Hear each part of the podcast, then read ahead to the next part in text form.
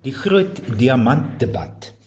Ek vind dit reg ironies en ietwat vermaaklik dat die dood van 'n 96-jarige ou dame in Brittanje reg gekry het wat niks anders nog kon laat gebeur nie.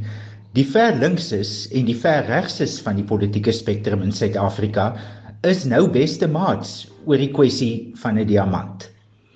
Wat ek steurend vind, is dat die Afrikaanse media, by name die burger, vir hulle 'n platform gee want die lawaai oor die diamant is eintlik 'n verleentheid vir die land.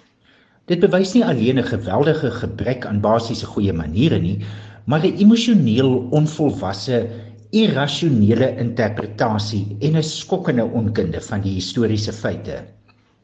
Die plaas waarop die Cullinan myn staan, is in 1898 deur Tom Cullinan gekoop van die dogter van Oubaas Prinsloo, 'n sekere mevrou Minnar. Toe die Cullinan diamant in Januarie 1905 daar ontdek is deur 'n kerel met die naam van Wells, was dit derhalwe wettig die myneienaars se besitting.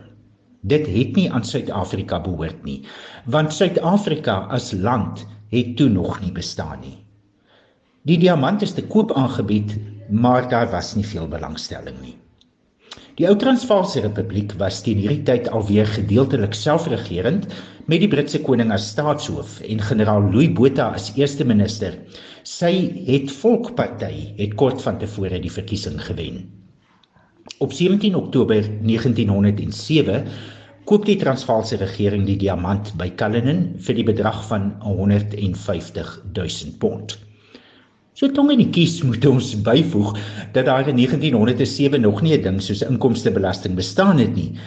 Die Transvaalse staatskas se inkomste was uit toltariewe, verhuuring van staatsgrond ensovoorts, maar die grootste inkomste op daardie tydstip was uit kompensasiegelde wat betaal is deur Campbell Bannerman se liberale party regering om oorlogskade te probeer verlig.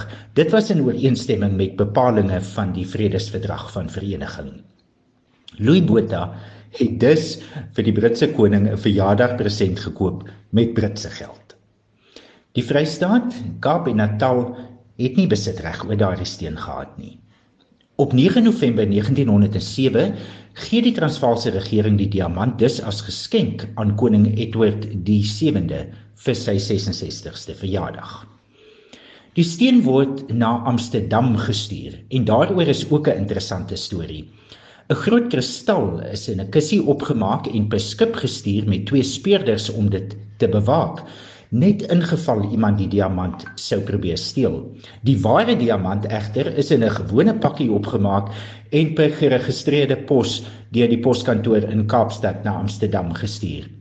Daar is dit afgelewer by die diamantslyper Louis Asher. Om die diamant te sny en te slyp neem meer as 3 jaar. Daar bly na skallen in 1 en 2 sewe groot stene en meer as 100 kleintjies oor. Die grootste kallen in 1 word gemonteer in die ryksepter van die koning en die tweede grootste kallen in 2 word gemonteer in die imperial state crown. Die res word verkoop om die koste van Asher se werk te dek. Suid-Afrika wat ondertussen besig is om 'n unie te vorm, koop 6 van hierdie stene terug by Asher. Die 9de van hulle is bekend as Cullinan 4 en Cullinan 4 word opnuut by ou Asher gekoop deur koning Edward as 'n geskenk aan sy vrou koningin Alexandra.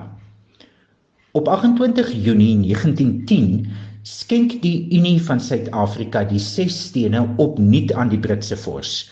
Hierdie keer aan die nuutgekroonde koning George die 5de wat dit in 'n halsnoer vir koningin Mary laat monteer. Die halsnoer het die koningin baie graag gedra en koningin Elisabeth erf dit van haar ouma.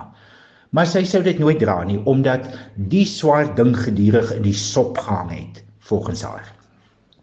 Wat is dus die realiteit?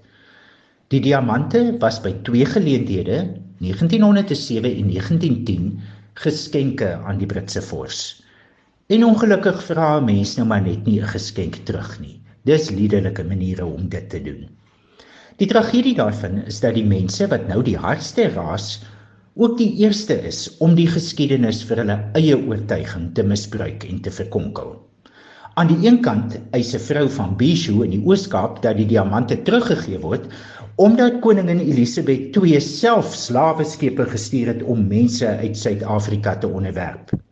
Aan die ander kant raak 'n oom van Pretoria verskrik kwaad en eis dat die diamant teruggestuur moet word. Omdat sê hy koningin Elisabeth self en persoonlik openlik die konsentrasiekampe saam met haar pa kom besoek het. Albei hierdie kommentare die afgelope naweek op die sosiale media.